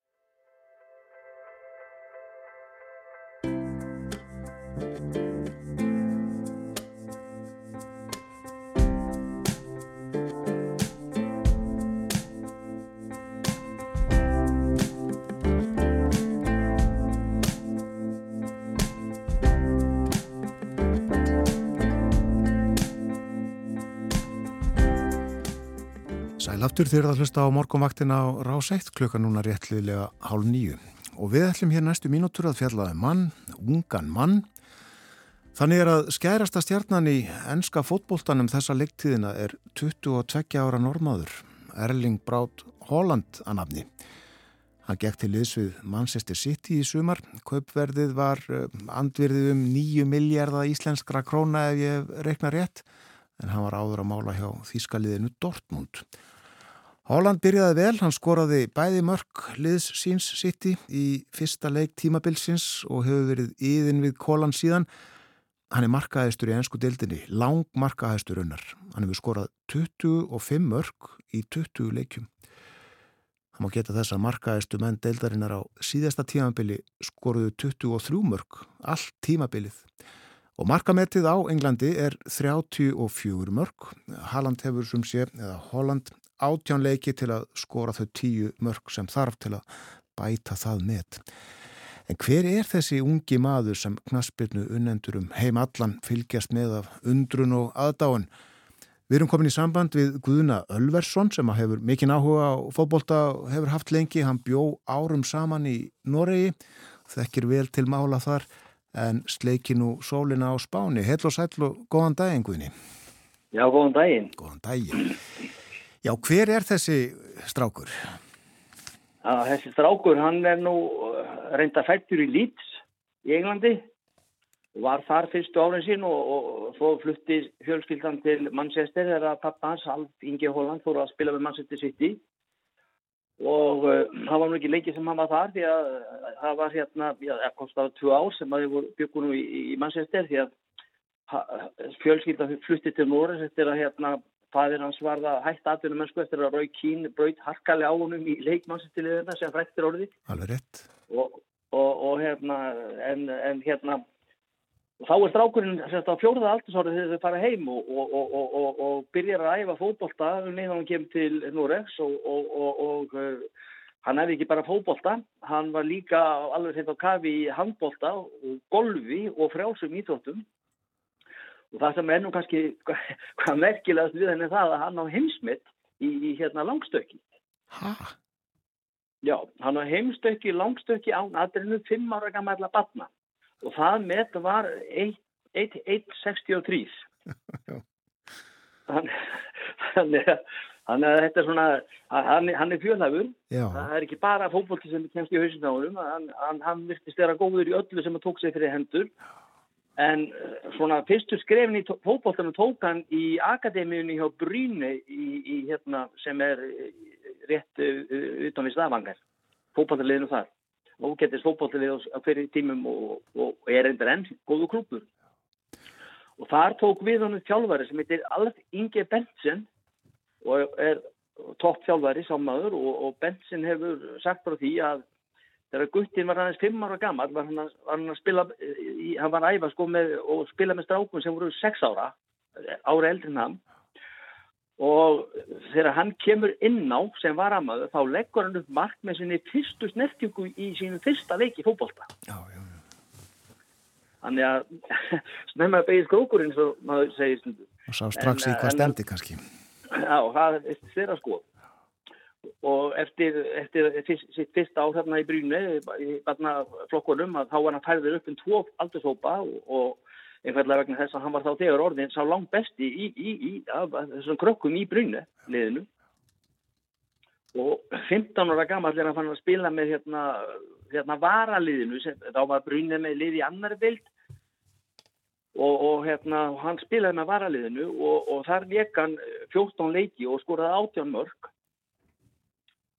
og, og hérna svo hérna gerir það nú að, að hérna þjálfari aðalinsins í brunni, hann er rekin og, og, og allt Ingi Benson tekur viliðinu og það fyrsta sem hann gerir það var, það var, það var að taka honum með sér upp í mestrarflokkin og þannig að hann er konið mestrarflokkin þar 15 ára gammal og byrjaði að reynda að spila á hægri kanti með mestrarfloknum en, en hérna eftir náttúrulega leiki þá var hann settið í framhjörastöðuna og náður reyndir ekki að skora uh, þá.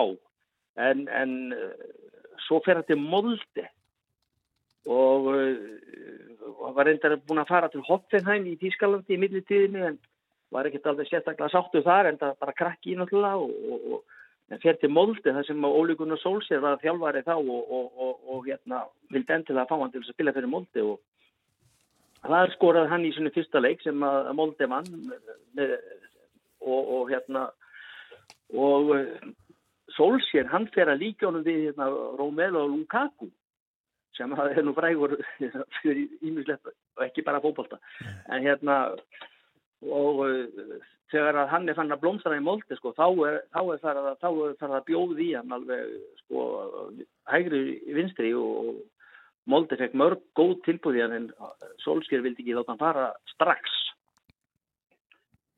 En það sem er nú kannski líka doldið merkjulegt að segja frá að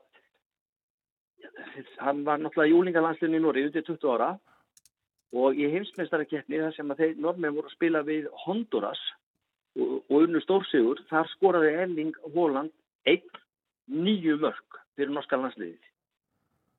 Það lítur að vera nálað einhverju meti. Ég held að hljóta að vera mjög mörg í, í, í landsleik. Já. Já. En kannski við gerum líka aðeins grein fyrir uh, Óla Gunnari, hann var náttúrulega skærasta stjarnar normanna í, í fókbóltanum um árabil, ég með Manchester United. Hann var það, það, það er engin spurning. Og hann hefur kent stráknum kannski einhver triks? Já, alveg pottjett og, og Óli Gunnar Solskjær talar alltaf mjög vel um hann og, og reyndar uh, hólandi um, um, um Solskjær. Það verðist vera að það færi mjög vel á með þeim og bara enda náttúrulega Óli Gunnar þannig, þannig maður að það er ekki líka hægt hann er látað sér ekki væntum en það er maður búin að nálgast það einu sinni. Nei, hann gett eitthvað mjög að sjá allavega hana. Já, hann er þann. En hann hefði nú örglega kosið að, að uh, Holland hefði valið hitt mannsestiliðið. Já, en það kom aldrei til greina hjá Holland vegna þess að náttúrulega pappa spilaði með Manchester City og, og, og hefur alltaf mjög sterkast höfast til liðsins og það var, sko, Holland vildi spila í Englandi og hann vildi spila, það var hans draumur að spila fyrir Manchester City eins og pappa saði gert. Já, svo leiðis, já. Já, fjölskyldan hafiði náttúrulega sterkast höfast til þess ágæta félags og hann kemur til félagsins náttúrulega þegar að, þegar að það er orðið stórveldi En fyrsti áfangastæður Holland utan norsku landsteinana er Östuríki, ekki satt? Það var Östuríki, já. Hann, hann, hann var það í Red Bull. Og, og, og, og þar gekk honum líka bara alveg reynd ljómandi vel og hann skoraði þar 11 mörg í, í, í, í sjöleikum á sínu fyrsta tímanbili. Hann fer til, til Hollands, nei hérna Östuríkis til Salzburg það er 19. ágúst 2018 sem hann gengur í lið Red Bull og í 11 leikum í sjöleikum þá skorar hann 11 mörg þannig að hann er alltaf að skora svona, mjög ofta ferlinu þá er hann að skora fleiri mörg heldur en leikirnir sem hann spilar í. Einmitt. Það er ekkert mærkið sem gera það. Nei, nefnilega ekki og gott dæmið um það er uh, þessi 20 mörg, 25 mörg sem eru komið núna í 20 leikjum í ennsku deildinni. Já, já, og enginn hefur skorað jafnmarka þrennur og hennu tíðanbili eins og hann er búin að gera núna. Já, hann hefur ekki skorað í öllum leikjunum sem sagt. Nei, nei, hann hefur ekki skorað í öllum leikjunum en, en hann er alltaf búin að ræði mörgum og, og, og hérna og svo er það frá Salzburg sko, þar fer hann til Dortmund og, og er þar smá tíma náttúrulega áður en hann er senduð til Manchester. Já, og það voru nokkuð félög sem að býtust um hann eða ekki þegar hann svo ákvaða að fara í Dortmund? Jú, jú, það var fullt af félögum sem býtust um hann þegar hann var að fara í Dortmund og, og það voru líka alveg haugur af félögum sem býtust um hann þegar hann valdi sjálfur að fara til Manchester. Já. Ég held að Manchester United og, og, og hérna ykkur liði í, hérna Spáni Real Madrid var ekki komið inn í myndina þá en, en komið inn í hérna setna og Liverpool og, og fleiri lið vildu fá hann sko. Og Leeds, þeir vildu fá hann líka. En, en hérna en, en sko hann tór til Englands bara til þess að spila með Manchester City. Það kom ekkert andegreina af hans alveg Nei, hann, hann gerði það öllum ljóst að hann færi ekki neitt annar í Englandi. Heldur að ég hafi reknað þetta rétt? Ég sagði að það hefur greitir nýju miljardar íslenskra krónar fyrir hann. Passar það? Já, já það er alveg hár rétt og, og, og, og það eru bara smáur með það sem myndi, hann myndi vera kiptur á í dag. Já. það er nú ekki flott en það. Þetta er með ólíkindum. Já, þetta er alveg með ólíkindum sko. Þetta er alveg með ólíkindum. Hann er, hann er eins og þú sagði sko, hann er náttúrulega, hann er náttúrulega skærasta stjarnan í heiminum í dag. Það er sko, Ronaldo og Messi, þeir, þeir, þeir eru ekkert með svona afreikaskráð eins og hann er með þegar, þegar þeir voru á hans aldri. Nei, akkurat, þetta eru svo mörg, mörg, svo góður árangur, svo fljótt og snemma á ferlinum. Já, og bara spurningi hvernig, hvernig, hvernig skrokkurinn á hann helst í góðu standi og hvernig hann heldur áfram. Já, hann er uh, bara, bara vantar einhverja 2-3 cm held ég að ná 2 metrum að það. Já, hann er 1,90 og 8. Á 8, já. Hár og glæsilegur á vellinum. Já, já, já. Þetta er svona, þetta er svona, þetta er svolítið grallari þessi stráku, sko. En, en, en, en hérna samt sem áður að, að þá náttúrulega tekur hann sína vinnu mjög alvarlega og gerir sér besta til þess að vera bestur. Það, það er ekki spurning um það, en hann, ég náttúrulega hef aldrei séð hennar, hitt hennar strák sko, en allir sem að, ég hef hitt alveg um hann sem að hafa verið að flækjast í krigkominni í Nóri, að segja allir að þetta sé alveg eðal drengur og, og, og, og til í allt þegar kemur það ykkur grannlaraskap sko. Segð okkur aðeins nána hvað áttið með því Já, hann er bara svona hann getur verið sekkjóttur og hérna og svona sko en, en það er ekki, ekki druggla á honum, það er ekki til í því sko, hann, hann er aðtunum að það fram í fingugóma en hann hefur gaman að því að skemmta sér og og hrekja aðra og þess að það en, en alltaf allt í góðu sko, þetta er, þetta er gæðasál. Já. Já, þú nefndir föður hans aðan sem var aðtunum aður í Knarsbyrnu í Englandi og leik þar með tveimur félögum, þurfti svo að hætta eftir, eftir að hafa meitt sig eða verið meittur það er nú Já. saga útaf fyrir sig viðskipti þeirra Alfís og, og Írans. Já, það er það og, og daldi merkilegt að Rói Kín hefur látið að hafa, hafa eftir sér að hann myndi gera þetta aftur eða myndi hitta Já, en þetta er þannig er það ekki að þeir áttu einhverjum viðskiptum, það var þá að, að, að Alfi pyrraði Rói með einhverjum hætti og, og mörgum, mörgum, mörgum mánuðum setna, já, Rói mittist íla en mörgum mánuðum setna, löngu setna þegar hann var komin að róla aftur að, að þá hvað hann að hefna sín.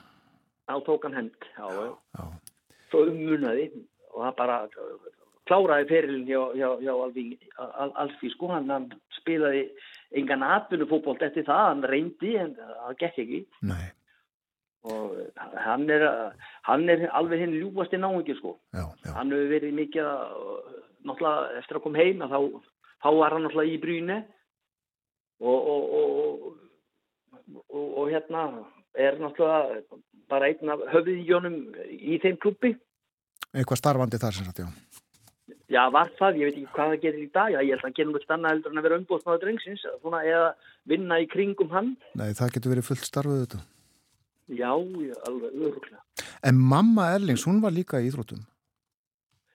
Já, ég hérna, svo sem, hef ekki kynnt mér óbóðslega mikið fyrir hennar, en hún var, jú, jú, hún var í Íþróttum og, og, og hérna, Teiki, og þótti bara heim efnilegasta sínu tíma. Var í sjöþröld held ég að við lesið eitthvað staðar. Já, já. já var allavega í frjálsum. Og, og hérna og, og það nú strákurinn ábyggla líka þess að fjölbreytti sína í, í, í sinni íþrótaði á þessum unga aldri að vera, bæði, vera í, í golfi og frjálsum og handbólta og öll, öllum fjárhunum. Þannig að eh, þetta er það er greinlega mikill íþrótt áhugi í þessari fjölskyldu, ekki bara fyrir fókbólta. Nei, og miklu hæfileikar.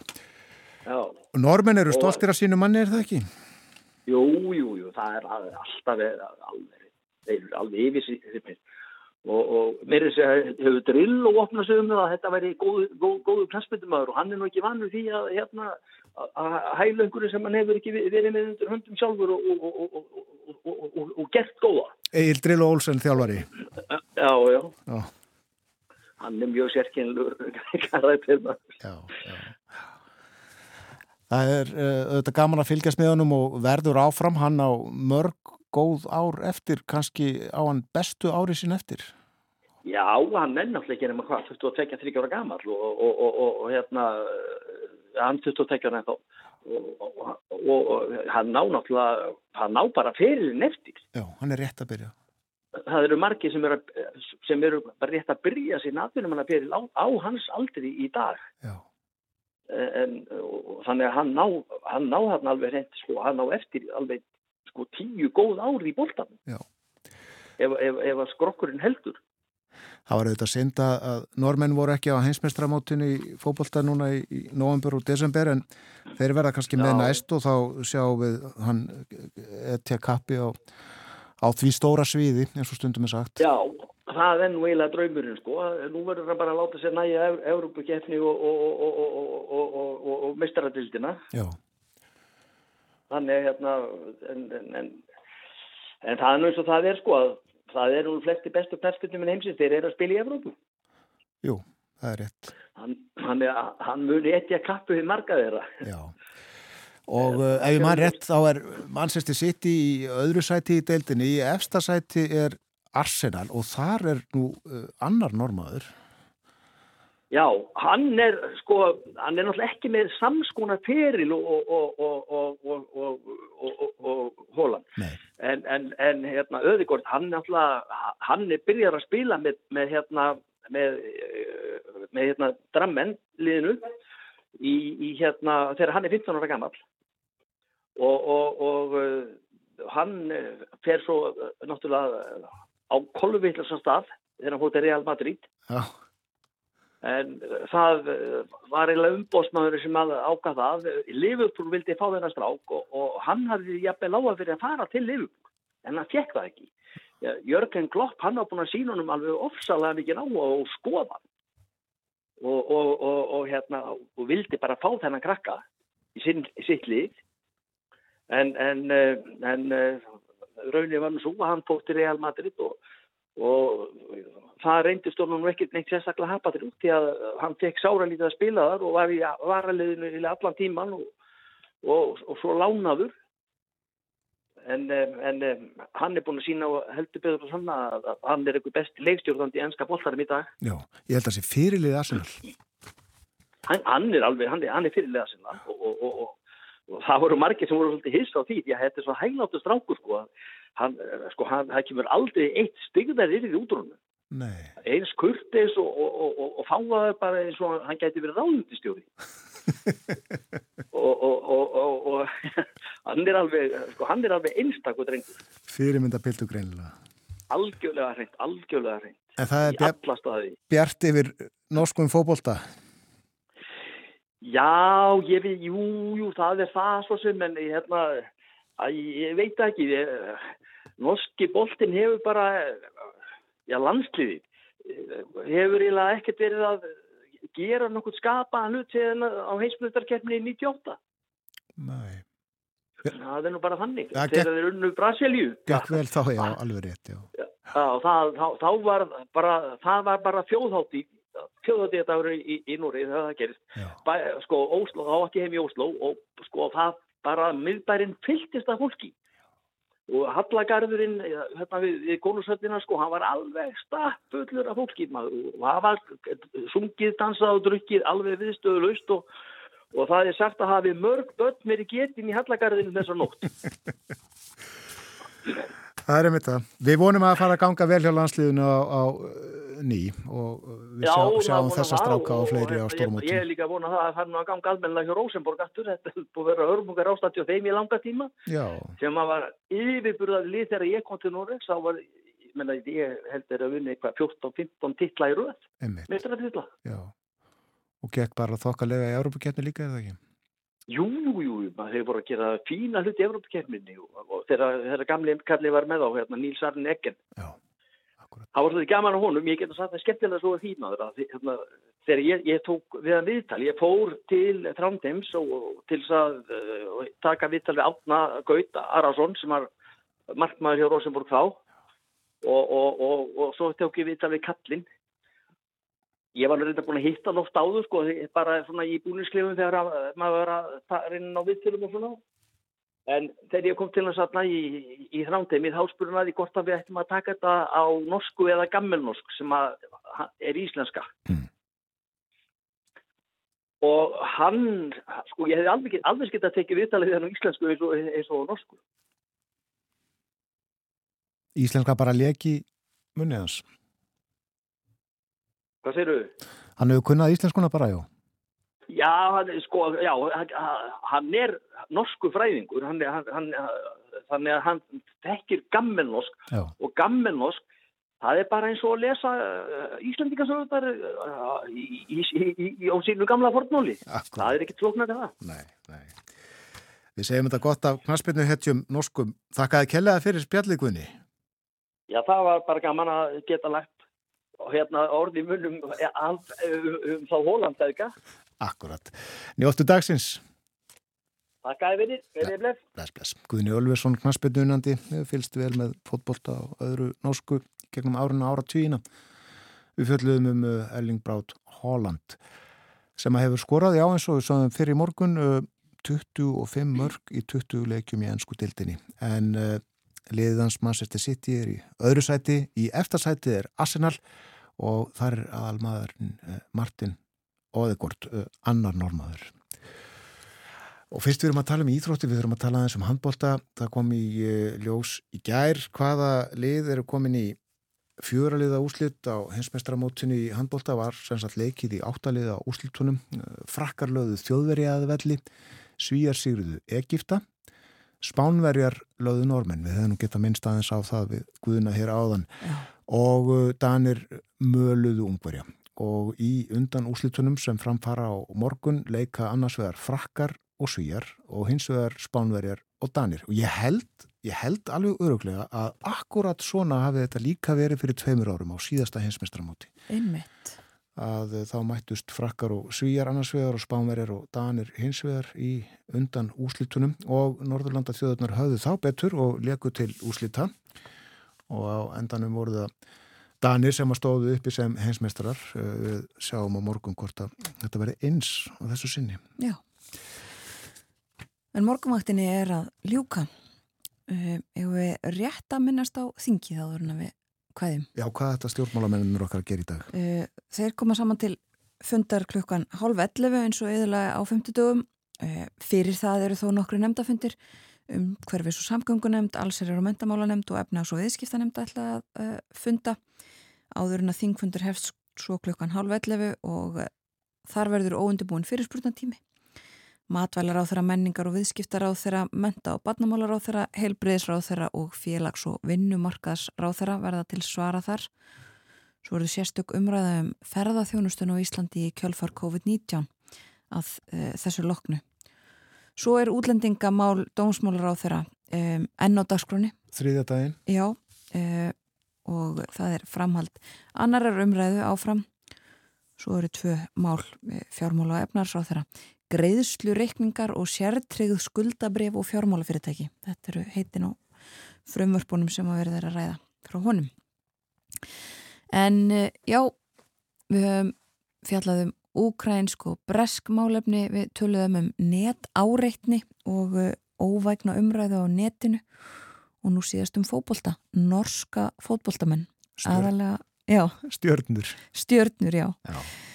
og uh, látum þessu lokið hér með. Já, þaukum samfélgina þannan daginn, eh, femtu daginn eh, verðum hér á okkar staði fyrramálið aftur. Verðið sæl og njóti dagsins